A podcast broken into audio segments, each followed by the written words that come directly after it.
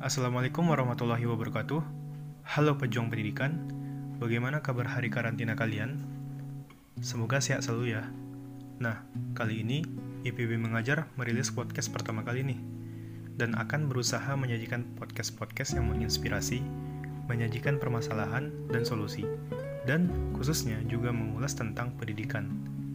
Kali ini kita akan ngebahas tentang apa yang kita alami sekarang, yaitu bosan saat stay at home di mana banyak orang yang mengalaminya. Kenapa ya? Padahal pas kerja, kuliah, dan sekolah, kita sering mengharapkan liburan.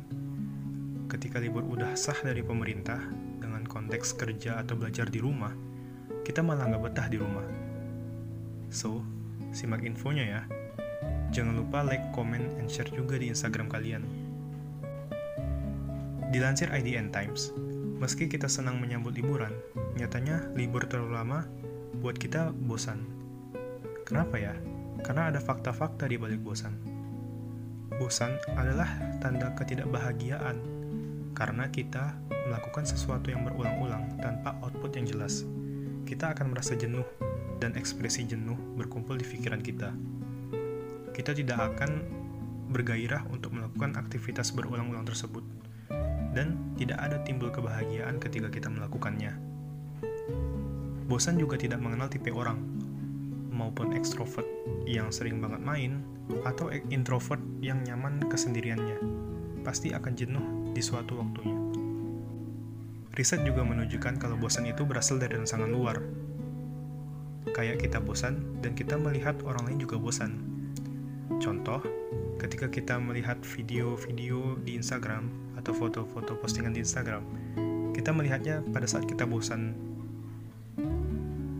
Kayak postingan uh, saat ini gue butuh main nih, atau kapan nih corona berakhir, gue pengen keluar, dan hal-hal yang lain. Hal-hal itu timbal balik ke kita karena kita merasakannya, karena kita juga merasa bosan. Jadi rangsangan dari luar itulah yang mendukung kita untuk ya merasa wah aku juga bosan nih. Bosan juga bisa berasal dari tekanan. Karena kita diberi tanggung jawab untuk kerja dan belajar di rumah kan? Tapi tugasnya bukan nanggung.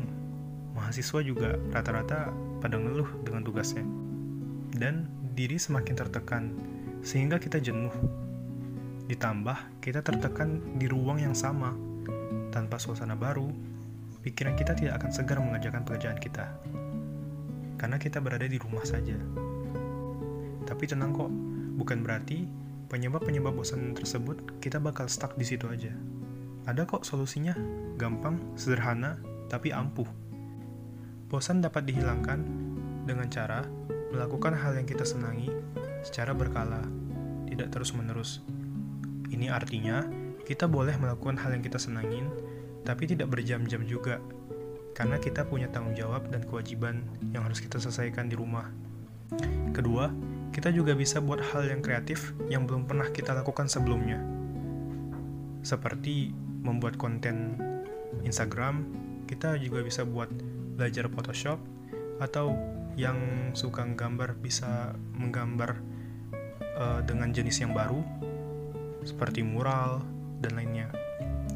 Atau yang suka baca buku bisa mencoba buku yang baru bukan komik atau novel saja.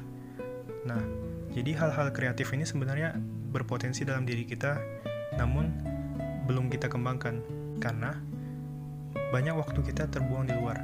Nah kesempatan ini besar karena kita sedang berada di rumah. Ketiga rehat sejenak dari tekanan artinya kita butuh istirahat kita butuh rehat, kita butuh yang namanya ketenangan di antara tekanan. Agar kita bisa menyelesaikan tekanan itu dengan secara perlahan, namun pasti. Dan yang paling inti, kita harus berbanyak ibadah kepada Allah, kepada Tuhan semesta alam.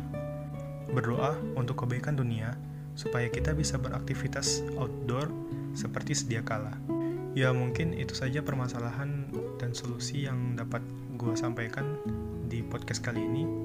Semoga bermanfaat dan tunggu kami di podcast-podcast selanjutnya ya. Salam pendidikan.